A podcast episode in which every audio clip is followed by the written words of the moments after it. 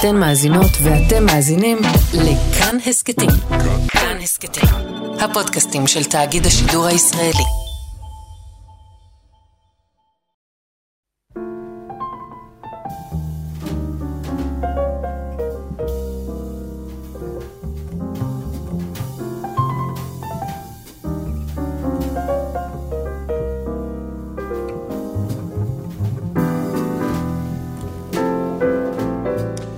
שבת שלום, צהריים טובים. ברוכים הבאים להתבודדות, אנחנו באולפן עמיחי חסון, ויאיר אסולין.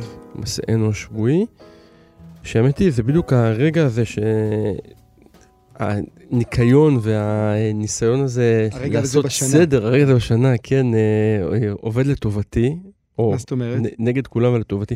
אני האיש הזה, שאחרי שכולם מוצאים את כל הזבלה מהבית, עובר ברחוב, ולוקח? מה זה לוקח? אתה לא מבין איזה אוצרות, כאילו, אנשים זורקים. ספר למשל על אוצר. אה, אה, הרבה ספרים, כן. אוקיי. כמובן. אה, רישום של... אה, אגב, אני שם בסוגריים, אתה עדיין לוקח ספרים כמו פעם? לא. כאילו, אני אני שמתי לב שפעם, נגיד, הייתי הייתי רואה ערמת ספרים, זה היה יום חג. האינסטינקט, כן. לא, אז לא באותה כזה- ערמה, אבל כאילו יש יש דברים יפים. אנחנו גם נדבר בתוכנית על מישהו שלא זרק את הספרים כן. לרחוב. מישהי שלא זרקה את הספרים של מישהו לרחוב, ודי לחכימה. לא, אבל אתה יודע, אפילו סתם, ראיתי נגיד אה, ריש- אה, רישומים יפנים נורא נורא יפים ברחוב קרימיה. לא יודע מה מומי, אבל... אה, יפנים ברחוב קרימי הזה, נשמע זה כבר נשמע טוב, אבל לא, שיר אבל- של ישראל אלירז או משהו. אבל זה היה נורא יפה ונורא נחמד לראות את זה. הבעיה שאחרי זה יש לי משא ומתן עם שאר בני הבית על מה נשאר, מה הולך, כי זה נחמד שאחרים עם מירי קונדו ואני זה שאוגר ואוגר ואוגר ואוגר. האמת, אני יכול להזדהות איתך ב... אני, לא- בשנתיים האחרונות יש לי איזה חלום שאני לא, עוד לא הגשמתי אותו, של אה, לעשות קורס אה, רסטורציה כזה. באמת? כן, זה איך נראה לא לי... דיברנו על זה עד עכשיו? אני לא יודע. חמש שנים. אני לא יודע. לא דיברנו אף פעם על זה. רסטורציה? לא, אתה יכול לעשות, יש לך מידע על קורסים אני חייב לרסטורציה? להגיד שזה הפרט הכי מפתיע לך באמת? שנאמר עד עכשיו אז לא. אני דווקא, תמיד אני, אני אגיד את זה ככה. זה אני חושב מתחבר למה שאתה אומר, אה, אפרופו לקחת דברים מהרחוב. שני, שתי, שני, שתי אמירות ששמעתי, אני יודע, כשהייתי כנראה בסוף התיכון או משהו כזה, לגבי אומנות שממש העיפו לי את המוח. אחת זה הסיפור הידוע על אה, עמוס קינן, שבטח סיפרנו אותו כבר מאה פעם פה בתוכנית, על זה שכש... אני חושב שהבת שלו שלומציון סיפרה את זה, שהיא הייתה עם חברים שלה אצלו בפריז, ואחד מהם שאל אותו אם יש לו איזה נייר שהוא לא צריך, אז הוא לקח איזה חתיכת נייר, כימת אותה, קפץ עליה, ואז הוא אמר לו, עכשיו אני לא צריך את הנייר הזה. וסיפור שני, שה... שאני חושב שגם הוא מופיע בספר שיצא עליו, על רפי לביא, אבל אני חושב ששמעתי אותו עוד קודם, זה שהוא היה אומר לתלמידים, צאו לרחוב, תיקחו דברים ותציירו עליהם. כאילו הדבר הזה, הדיק, כן, אדיקט. האומנות שנמצאת ברחוב, או החומר מהמם. גלם שנמצא ברחוב. ואני חושב שבעיניי, לי זה דייק הרבה מאוד על מה זה, ה, מה זה אומנות, ואיך היא אמורה לפעול, וגם על, אה, על העמדה של האדם בעולם, בדיוק בהקשר הזה, state of mind של אומנות. ואני אני חושב חושב ששתי שבעיניי, הדוגמאות שהבאת הן מאוד רדי מיידיות, כאילו... הן מאוד רדי מיידיות, אבל ההבנה הזאת שמה שנמצא שם בעולם, שאני חושב שזה מה שאתה תיארת, וזה באמת קצת פסח, זה ה... יש שם חומר גלם מאוד מאוד משמעותי, שאפשר לעשות איתו הרבה מאוד דברים, וזה מבחינתי העניין הזה של הרסטורציה, במובן שאני באמת מרגיש יותר ויותר עם השנים, וזה כמעט לא עניין של כסף, או בכלל לא עניין של כסף, אלא עניין של אה, ח- כאילו כבוד לחומר, ש... שבעצם אה, מאוד מתחבר לדברים שאתה אומר.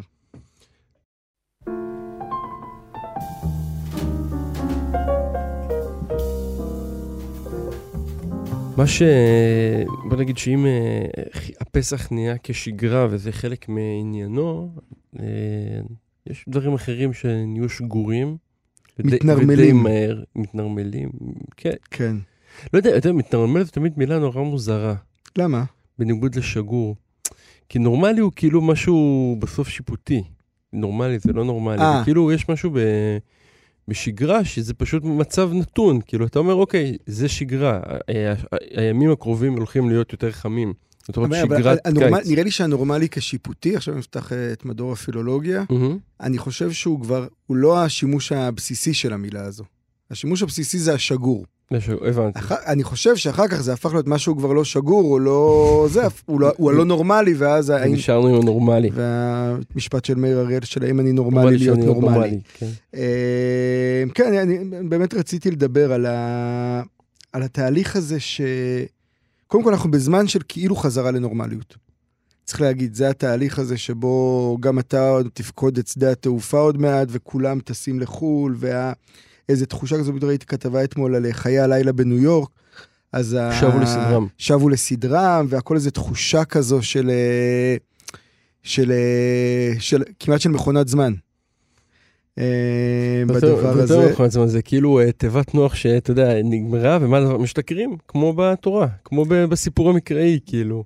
יפה, יפה, חוץ מה... חוץ מהעירום וגילוי עריות. אה, כן, לא, לא, גם... העניין הוא שזה לא, ה... זה לא רק ההשתכרות, אלא זה ה... אני מבין מה שאתה אומר בהקשר הזה של החגיגה שניצלנו, כן. אבל יש איזו תחושה מאוד חזקה שמכל מי שאתה שומע מסביב, לא כל, אבל הרבה ממי שאתה שומע מסביב, אולי זה מתחבר גם לדיון שלנו על הרסטורציה ופסח ולאסוף דברים מהרחוב, ששם אולי כן נוצרו שינויים בהרגלי החיים שלנו, יש איזה כוחות מאוד חזקים שרוצים להסביר לנו ששום דבר לא השתנה, שהכל רגיל, שהיו איזה שנתיים כאלה של הפוגה ממשהו, ועכשיו אנחנו חוזרים, והצריכה בכף חוזרת, וה... והכל בעצם מתנהל אה, אותו דבר. ובתוך הרגע הזה של החזרה לשגרה, יש משהו שנסחף בגל הגדול הזה, וזה מה שקורה באוקראינה.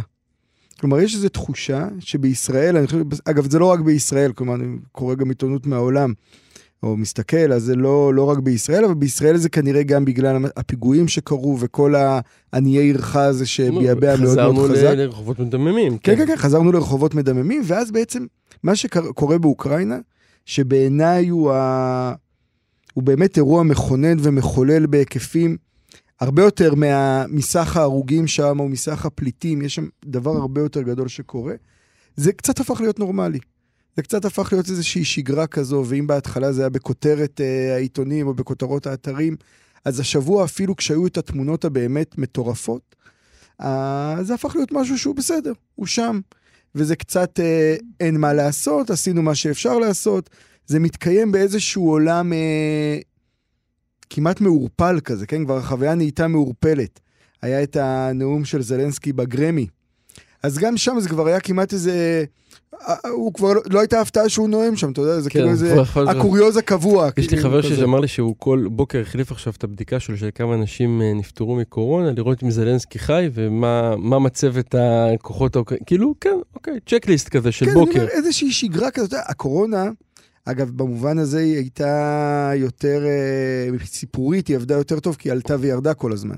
היה שיא, ואז היה dead down, ועוד פעם כן, סביבת אתה לא יודע לאן זה הולך, המלחמה. אז אני. אומר, המלח... המלחמה עצמה, אגב, זה לא משנה, כאילו, היחס של- שלנו למלחמה, זה קצת באמת מזכיר את ה... באמת את תחילת מלחמת האזרחים שהייתה בסוריה. שבהתחלה עוד אנשים עקבו, הגנרל הזה ברח, ואולי פה יקרה, והיה איזה רגע כזה, שבו זה הפך, כאילו, איזה הלחוש כזה שהוא, אני חושב שהוא גם טבעי, אבל הוא גם יש מי שמאלחשים אותנו ורוצים להביא אותנו למקום הזה של איזה סטטוס קוו, שאתה יודע, ולטר בנימין אומר שהסטטוס קוו הוא רגע קריטי, כלומר, תמיד מתחתיו רוכש איזה אסון. אבל לייצר איזה סטטוס קוו כזה, ויש סנקציות ועשינו מה שאפשר, והמילים הן מאוד חריפות, אבל בפועל לא קורה כלום. ואני חושב שצריך לסמן את הרגע הזה, כי הרגע של ה... לא, שבוע הבא אנחנו נדבר על פסח.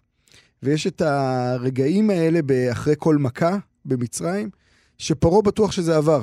כן. וחוזרים לנורמליות, כאילו, בסדר, יצאנו מזה, היה זה, ועשינו את התרגיל, את המניפולציה, ויצאנו מזה.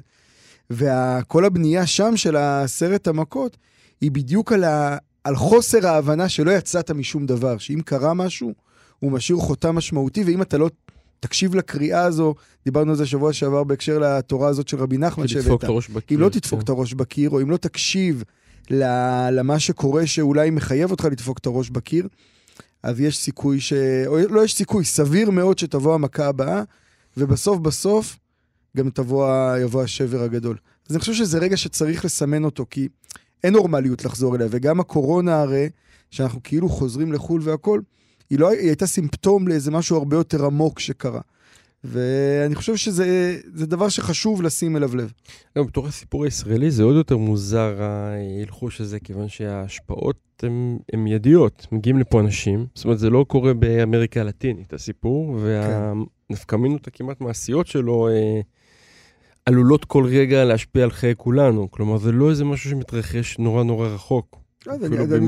אז אוסיף לזה- אני אוסיף לזה אה, אה, עוד שכבה, זה משפיע עלינו ברמה הזאת שה- שיש מחסור בביצים, כן, כן, נכון. שהעגבניות הפכו להיות יקרות, כלומר שחיטה הפך להיות משהו שהוא הרבה יותר אה, קשה להשגה. אתה אומר, אם אתה לא מזדעזע מגופות של אנשים אה, ברחוב, לפחות תזדעזעו ממחירי לא, הביצים. זה, זה בעיקר אם אתה חושב שהאירועים מתחוללים בחלל ריק, ואין להם איזה הקשר גדול כזה שעוטף אותם, וכאילו הרבה יותר קל לנו תמיד הרי להסתכל על האירוע ולא על ההקשר שלו, אז אתה לא קורא את המציאות נכון.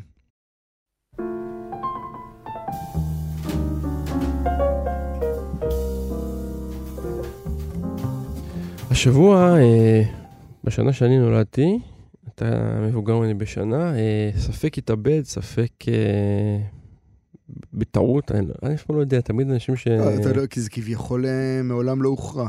כאילו השאלה אם פרימו לוי התאבד, אנחנו כן. מדברים על זה. נכון, אבל כאילו זה... נפל בגרם המדרגות, נכון? זה תמיד אותו סיפור, גם עם רביקוביץ', גם עם הרבה אנשים שכאילו, זה נפילות כאלה של אנשים בסך הכל די אובדניים, אבל אפשר גם להבין אותם אחרת, ואתה אף פעם לא יודע אם, אתה, אם הם היו רוצים שתיאחז בשאלה הזאת, זאת אומרת, Mm, האם זה חלק מהתיאטרון, סליחה על הגסות שאני אומר את זה, שהשאלה הזאת תבעבע ו-30 שנה אחר כך אנחנו נשאל את עצמנו, כן קרה, לא קרה, לא ברור וזה, או ההפך, או שבאמת יש פה איזה מין רגע של אינני יכול עוד, ואז אתה לא יודע איך להכריע אותו, אפילו, אפילו בדיון ההלכתי כאילו שנובע מזה. שגם שם אגב תמיד נמצאת המניפולציה, כן? של בדיוק כדי לקבור את הבן אדם כן, בתוך זאת הבית אומרת, קברות. בטוח אתה- היה לו איזה הרהור כן, אחרון אה, של תמיד- תשובה. אבל סתם, זה, זה מעניין, במיוחד אצל דמויות כאלה שכל דבר בהם, ביוגרפיה של... לא, אתה שואל אבל שאלה הרבה יותר עמוקה, כמעט שאלה אונתולוגית של. האם בכלל יש התאבדות? כלומר, האם בעצם... הרי האם, האם מעניין אותנו, האם, מעניין אם פרימו לוי יתאבד, או שהרבה יותר מעניין לדבר על פרימו לוי שתמיד הסתובב סביב ההתאבדות, או דליה רביקוביץ', או לא משנה, או אה, אחרים שאנחנו מכירים. כלומר, האם, האם מרלין מונרו התאבדה, אוקיי? אה, מה גרם, מה יצר את הדבר הזה, בכלל סביב מנות היתר למיניהם? כן. כן? ואז השאלה היא, האם בכלל, הרי אנחנו יודעים, ויטגנשטיין אומר, ולייבוביץ' בעקבותיו, כן, שאי אפשר בכלל הרי לדבר על המוות. אז האם בכלל אפשר לדבר על התאבדות גם? על התאבדות. על הבחירה הזאתי. גם, אתה יודע, המקרה שלו ספציפית, נגיד, אה, לא, לא שצריך להציג אותו, כן, אבל אה, האפשרות שלו ככימאי להגיע לדרכי מוות עדינות יותר, נגיד, מהמם. היא נגישות מאוד מאוד גבוהה, בסך הכל. אה, זאת אומרת, יש גם, ספציפית על המקרה שלו, גם את השאלה הזאת, זאת אומרת, אם באמת יש פה רגע אקט שהוא אקט כמעט הצהרתי בהתאבדות, אז ככה, לא יודע. יש את כן. המשפט הזה של אלי ויזל תמיד עליו, שהוא, שפרימו לוי נרצח באושוויץ פשוט 40 שנה אה, מאוחר יותר. אומר, אבל כביכול, זה משפט, ה- בדיוק, אה, המשפט הזה של אלי ויזל בא ואומר שההתאבדות היא לא קשורה להתאבדות כמעט. כן, כן, כן. כן? כלומר, אה, זה כמו מייק ברנט כזה, שהוא ניסה להתאבד כמה פעמים, בסוף הוא, האם הוא נדחף מהחלון או קפץ מהחלון, זה כאילו שאלה שהיא באמת, היא, היא כמעט בלתי ניתנת לחשיבה. ורציתי ככה להדהד אותו, אה, ודווקא לא מהמקום ה... אני חייב להגיד שזהו אדם ספר שהפך לי את החיים. כן? אה, למה? אני חושב שנורא נמנעתי מלקרוא על שואה, באיזשהו אקט קראת אותו במסגרת מהתיכון כזה? כן. או- אוקיי. בצורה אינסטינקטיבית, כאילו לא, לא ראיתי. אה, ממש, אני זוכר הימנעות, בחירה של הימנעות מלצפות. לא ברור לי, אני לא יודע לשים את האצבע הפסיכולוגית של למה. וזה ספר שהצליח לחדור את המגננה שלי, ואז כאילו עבורי זו הפעם הראשונה שקראתי משהו מתוך מעניין. אה, המקומות של השואה. יכול להיות שזה פשוט אפקט הראשוניות, אבל זה ממש ספר, אני זוכר את עצמי, הייתי ילד בכיתה ט'. זה מעניין, זה כאילו, ה... תמיד אני חושב על, ה... על, על, על זהו אדם כ... כדבר שפרימו לוי ניסה לברוח ממנו כל שאר החיים. כאילו, אחרי שהספר הזה יצא, אתה ממש קורא הרי את ה... גם כשהוא, הוא, כאילו יש איזה משהו ב... בחשיפה המאוד מאוד חזקה שלו שם, שהוא מנסה לברוח ממנו אחר כך בכל מיני צורות ו... וזה. ו- ולא מצליח. אז באמת, הס- הספר שאני רוצה לקרוא ממנו מעט, הטבלה המחזורית, הוא באמת ספר כזה, כי זה... לא, זה ספר אדיר, אה, לא פחות מאשר אה, הזהו אדם. הוא לוקח פה את, אה, את את טבלת היסודות. נגיד בעיניי- בעיניי הרבה יותר אגב. הרבה יותר- כלומר, בעיניי, כן, בזהו אדם הוא לא סופר. הוא מתעד. בזהו אדם הוא מתעד, או זה כמעט, זה, זה אפילו לא ממו... זה לא- זה ממואר, אבל זה, הוא לא סופר שם, היכולת שלו להתבונן כסופר על הדבר הזה היא די מוגבלת. בטבלה המחזורית זה ממש פרימו לוי הסופר. והוא והוא לוקח בעצם כל יסוד ומספר עליו סיפור. חלקם, יש פה סיפורים בדיוניים לגמרי, יש פה סיפורים שהם אה, אה, אוטוביוגרפיים. הם כולם יוצאים מתוך הדברים. אני רוצה לקרוא את הפתיחה של אה, זהב, ובצורה מוזרה היא תתכתב מאוד עם מה שדיברת על השגרה. כי הוא מתאר את ה... אותו ואת חבריו היהודים האיטלקים, אה, ובכלל האנטי-פשיסטים, רגע לפני השלב, זה ספר הרי שלא נוגע בעצם כמעט באושוויץ, הוא כן. נוגע בלפני ובאחרי, אבל אין בו את, ה, את האימה עצמה. ואתה רואה איך הם מאלחשים את עצמם דווקא מתוך הרצון לפעול. ואולי פשוט המילים שלו יגידו את זה הרבה יותר מהמם. טוב ממני. זהב. ידוע שבני טורינו הנעקרים למילאנו אינם מכים שורש. או במקרה הטוב, מסתגלים אך בקושי. בסתיו 1942 היינו במילאנו שבעה ידידים מטורינו. בחורים ובחורות שמסיבות שונות נקלעו לעיר הגדולה, שבגלל. שבגלל המלחמה הזעיפה פניה. ההורים, אלה שעדיין היו בחיים, עברו לגור בכפר כדי להתרחק מן ההפצצות. ואנחנו חיינו במידה רבה חיי קומונה. איש היה אדריכל ששאף לשנות את מילאנו מן היסוד וטען שהטוב במתכנני הערים היה פרדריך ברברוסה. סיליו היה דוקטור למשפטים, אבל עסק בכתיבת מסה פוליטית על דפים זעירים של נייר דק ושקוף, ועבד כפקיד בחברת הובלות ומשלוחים. אוטורה היה מהנדס אצל אולטיני. לינה הייתה שוכבת עם אוגה והייתה קשורה בדרך כלשהי בגלריה לאומנות. ואינדה הייתה קמאית כמוני, אבל לא הצליחה למצוא עבודה, ורגזה על כך דרך קבע משום שהייתה פמיניסטית. אם אינני טועה, כולנו כתבנו שירים. זה לא היה מוזר בעינינו, גם לא מביש לכתוב שירים נוגעים ודומיים, ואף לא יפים במיוחד, בשעה שהעולם עולה בלהבות. הכרזנו על עצמנו כאויבי הפשיזם. אך למעשה, הטביע, הטביע בנו הפשיזם את חותמו, כמו ברוב האיטלקים, ועשה אותנו מנוכרים ושטחיים, פסיביים וצייתנים. בעליצות דווקאית נשכב, נשאבנו אל הקיצוב ואל הקור המקפיא בבתים בלי פחם, והשלמנו באדישות עם ההפצצות הליליות של האנגלים. הם לא נועדו לנו. הם היו סימני עוצמה ברוטליים של בני בריתנו המרוחקים מאוד. אדרבה, שימשיכו. חשבנו מה שחשבנו על כל האיטלקים הנתקעים, שהגרמנים והיפנים בלתי מנוצחים, וכמוהם גם האמריקאים. ולפיכך עתידה המלחמה להשתרך עוד עשרים או שלושים שנה, בתיקו עקוב מדם ואינסופי. אך מרחוק, שידענו רק מתוך שקרים, לפעמים, לפי, לפי איזה אמירות של בני דודי, מאגרות אבל רשמיות שהופיעו בהם מילים כגון בגבורה, במילוי תפקידו, מחול המוות מעלה ולמטה, לאורך החוף הלובי ואחריו בערבות אוקראינה, לא יחדל לעולם. להתחלה זה ממשיך, אבל אתה רואה שם את האנשים שכבר, המלחמה התחילה, שינתה את חייהם, ומנסים להיאחז בתוך השגרה הזאת, בתוך הנורמליות של המצב החדש, ומתוך, כאילו כמה תמימות בעצם יש במשפטים האלה. המלחמה הזאת תימשך עוד 20-30 שנה בלי הכרעה. כן, אני חושב שה... שוב, זה היה מה שאמרנו מקודם, זה ממש. הסטטוס קוו הזה כרגע קריטי. כי באמת יש ב... ברצון לשמר את, ה... את. את הסטטוס קבוע, כן? את ה... גם ש... כשהוא לא קבוע, זה, זה הנקודה. ההונאה הזאת, כן, הרי זה... הרי. צריך להגיד ככה, אם כאילו מסתכלים על זה באמת פילוסופית, הוא הרי אף פעם לא קבוע. וכבר דיוויד יום שאל, אמר, דיבר על זה שאין לנו ערובה שהשמש תזרח מחר, אוקיי? אז אנחנו כן בונים לעצמנו מבנים של אשליה. ואדמו"ר הזקן. דיוויד יום הוא האדמו"ר הזקן. כן, אתה יודע ש... מחדש בטובו כל יום. אתה יודע הרי שיואל הופמן, עבודת הדוקטורט שלו, זה על הקשר בין דיוויד יום לפילוסופיה מזרחית. וואלה. שזה בסופו של דבר במעגל הזה גם האדמו"ר הזקן, כן? כאילו העולמות האלה. אבל ה... אז, אז הקיום שלנו הרי אף פעם לא יציב, אין באמת סטטוס קוו, סטטוס קוו הונאה עצמית בהגדרה. אבל אנחנו מייצרים לעצמנו רוטינות כאלה כדי לייצר את הדבר, ורוב הזמן זה עובד לנו. כלומר, רוב הזמן הרי מה שהוא מתאר פה, וכנראה גם ברוב המלחמות, זה הטקטיקה הכי טובה לנקוט. מה, בעיני- לחכות שזה יעבור? כן, לחכות שזה... לח... להניח שבסופו של דבר זה לדאוג לעצמך, ולהניח שבסופו של דבר זה ייפתר ככה או אחרת, על פי כללי המשחק המוכרים והקיימים. אבל יש רגעים, אני חושב, יש רגעים מסוימים בהיסטוריה, שבהם אתה... אני חושב שקשה... למה קשה לקלוט? כי, ה... כי אתה צריך ממש לצאת נגד כל הקיום שלך כדי בכלל להבין שהדבר הזה אפשרי. הרי בעצם להבין שהדבר הזה לא יימשך 20 שנה, ולהבין שה... שאין דבר כזה צדדים בלתי מנוצחים, ולהבין את, ה... את כל השלכות העומק של כל מה שקורה שם, זה להודות בעצם, ב... להודות בזה שאתה, ב... שאתה בן מוות במובן העמוק.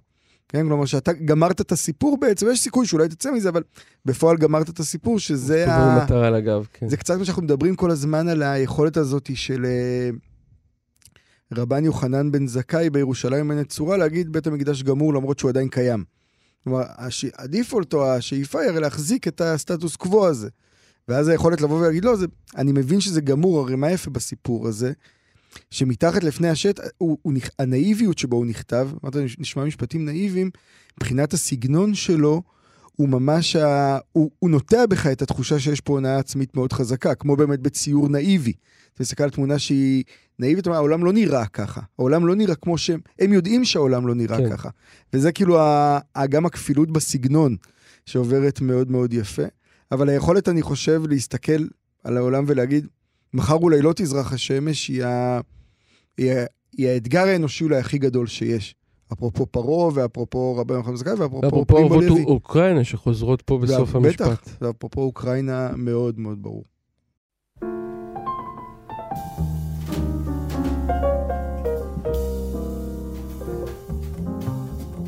השבוע הייתה אה, מיני סערה, אני אומר מיני סערה וזה אולי, אולי כל העניין בעצם, סביב המכירה של אה, כוכבים בחוץ של אלתרמן, הספר אה, עם הערותיו של נתן זך, אותם הערות שגרמו אחר כך למהומה הגדולה ולמאמר המכונן וכולי וכולי, שהועמדו למכירה אה, בחנות הספרים האחים גרין. כן.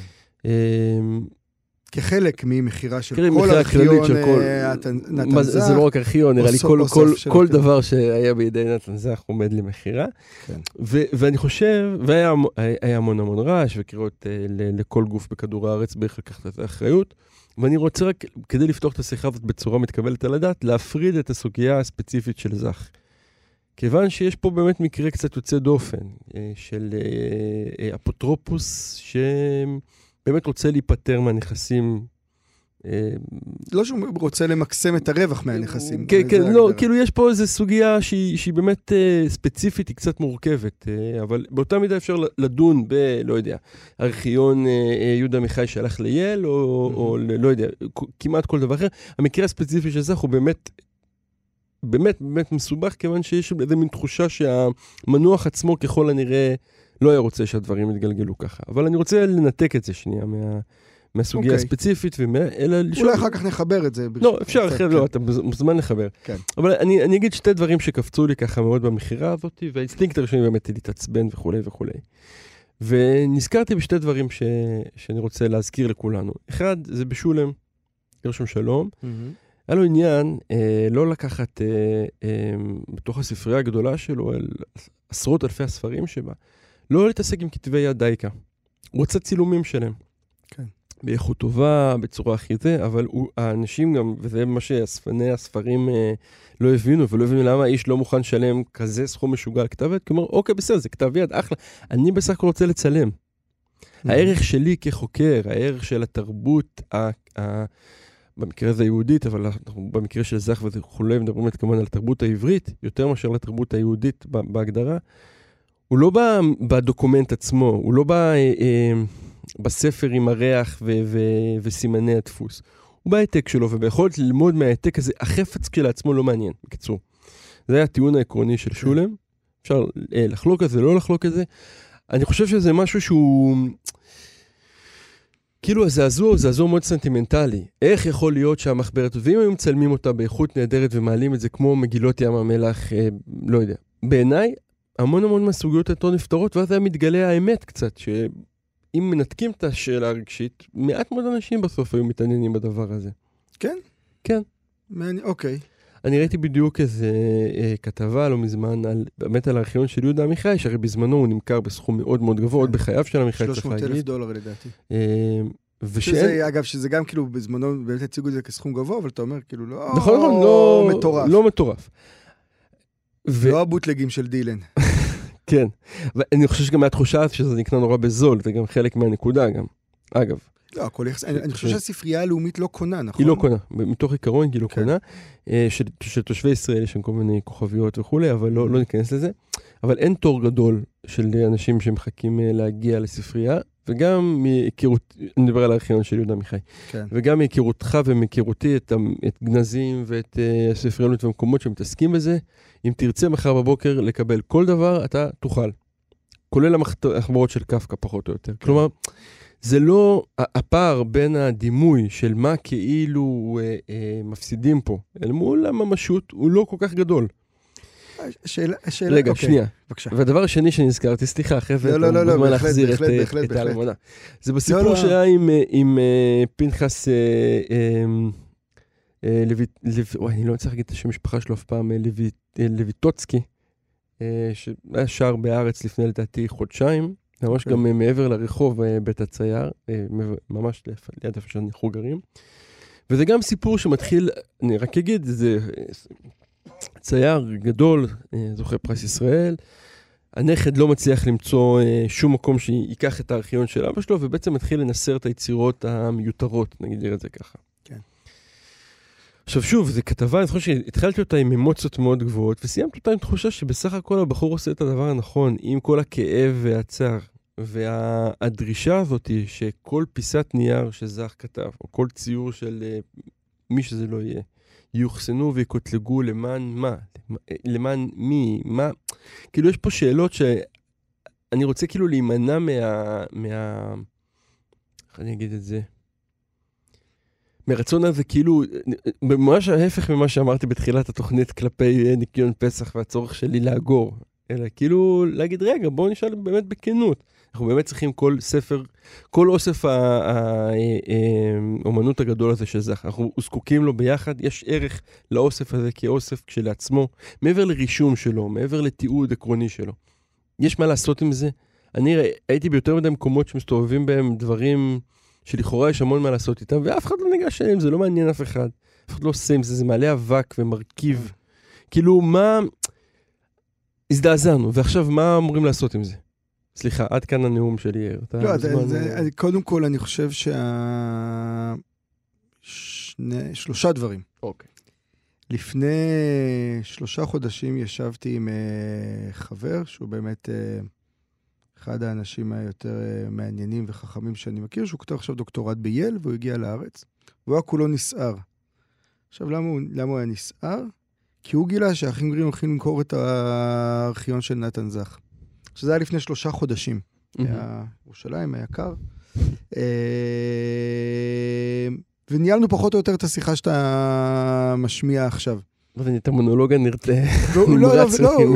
לא. הוא, היה, מאוד מזועזע, הוא סיפר לי אפילו שהוא ממש יצר אה, קשרים, גם עם אה, בעלי הון וגם עם, האחים גרים עצמם, הוא אמר, תנו לי איזשהו ראשונים." משך זמן כדי, כדי לנסות לגייס סכום שיקנה את כל, את כל. האוסף, הם לא הבינו מה הוא כל כך רוצה.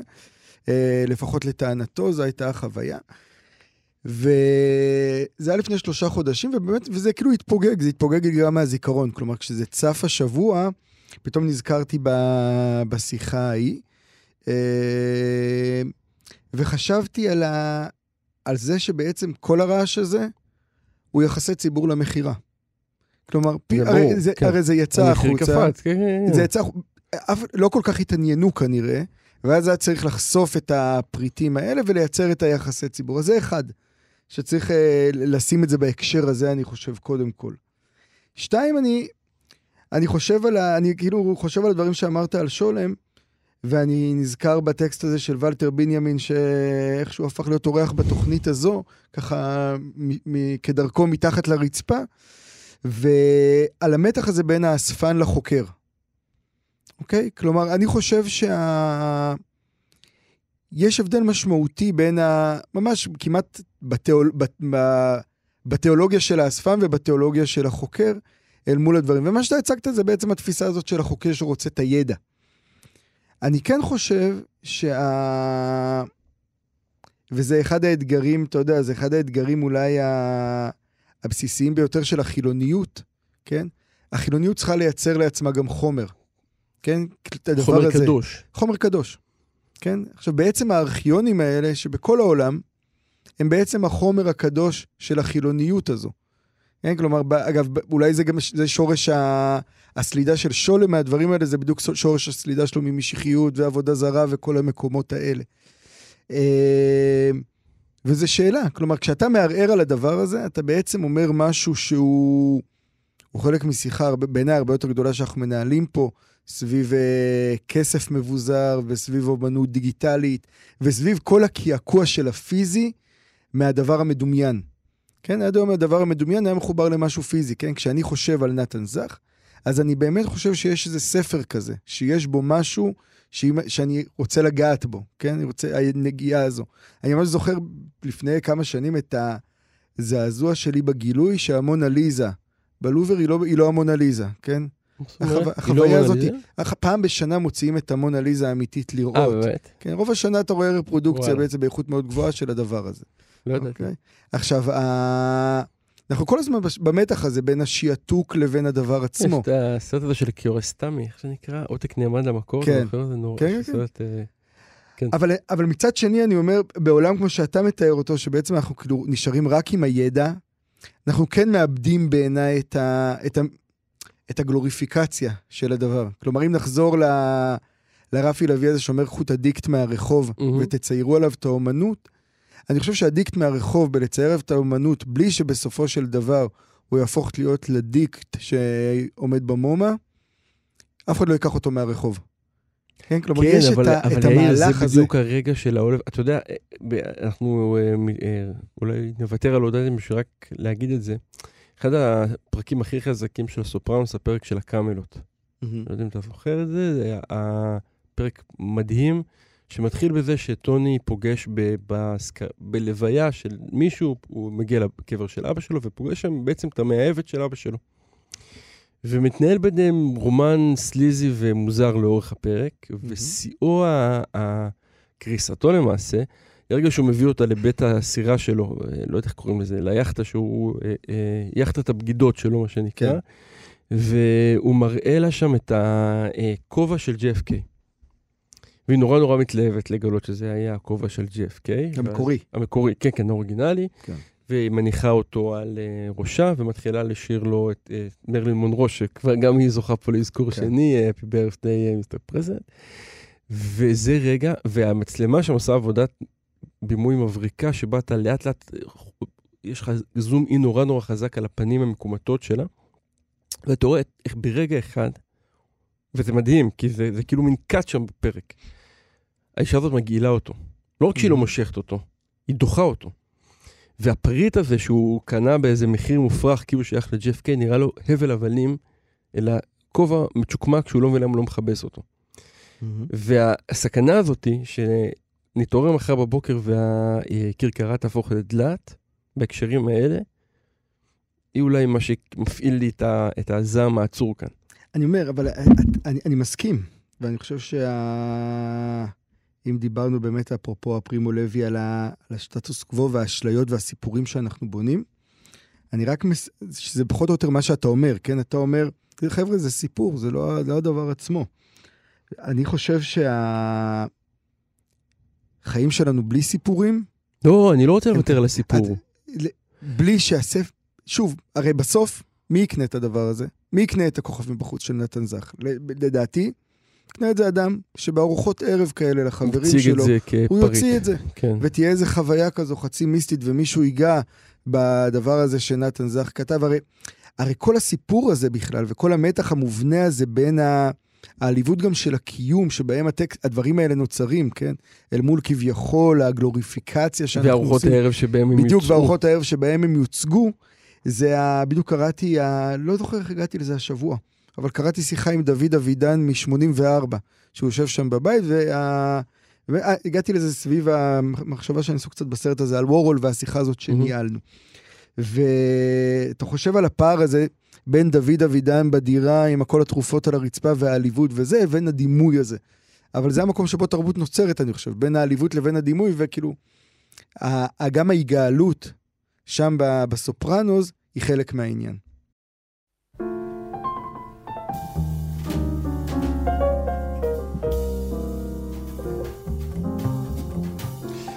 טוב, עם המחשבות האלה אנחנו אה, נצא לשבת.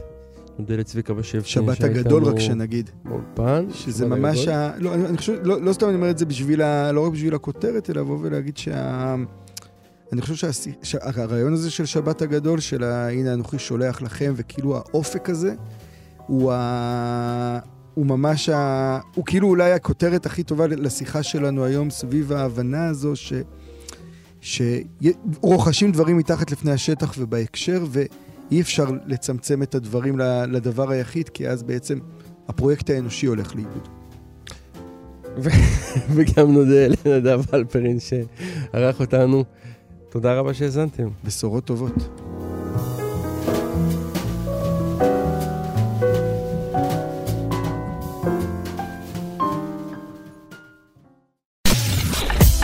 אתן מאזינות ואתם מאזינים לכאן הסכתים. כאן הסכתים, הפודקאסטים של תאגיד השידור הישראלי.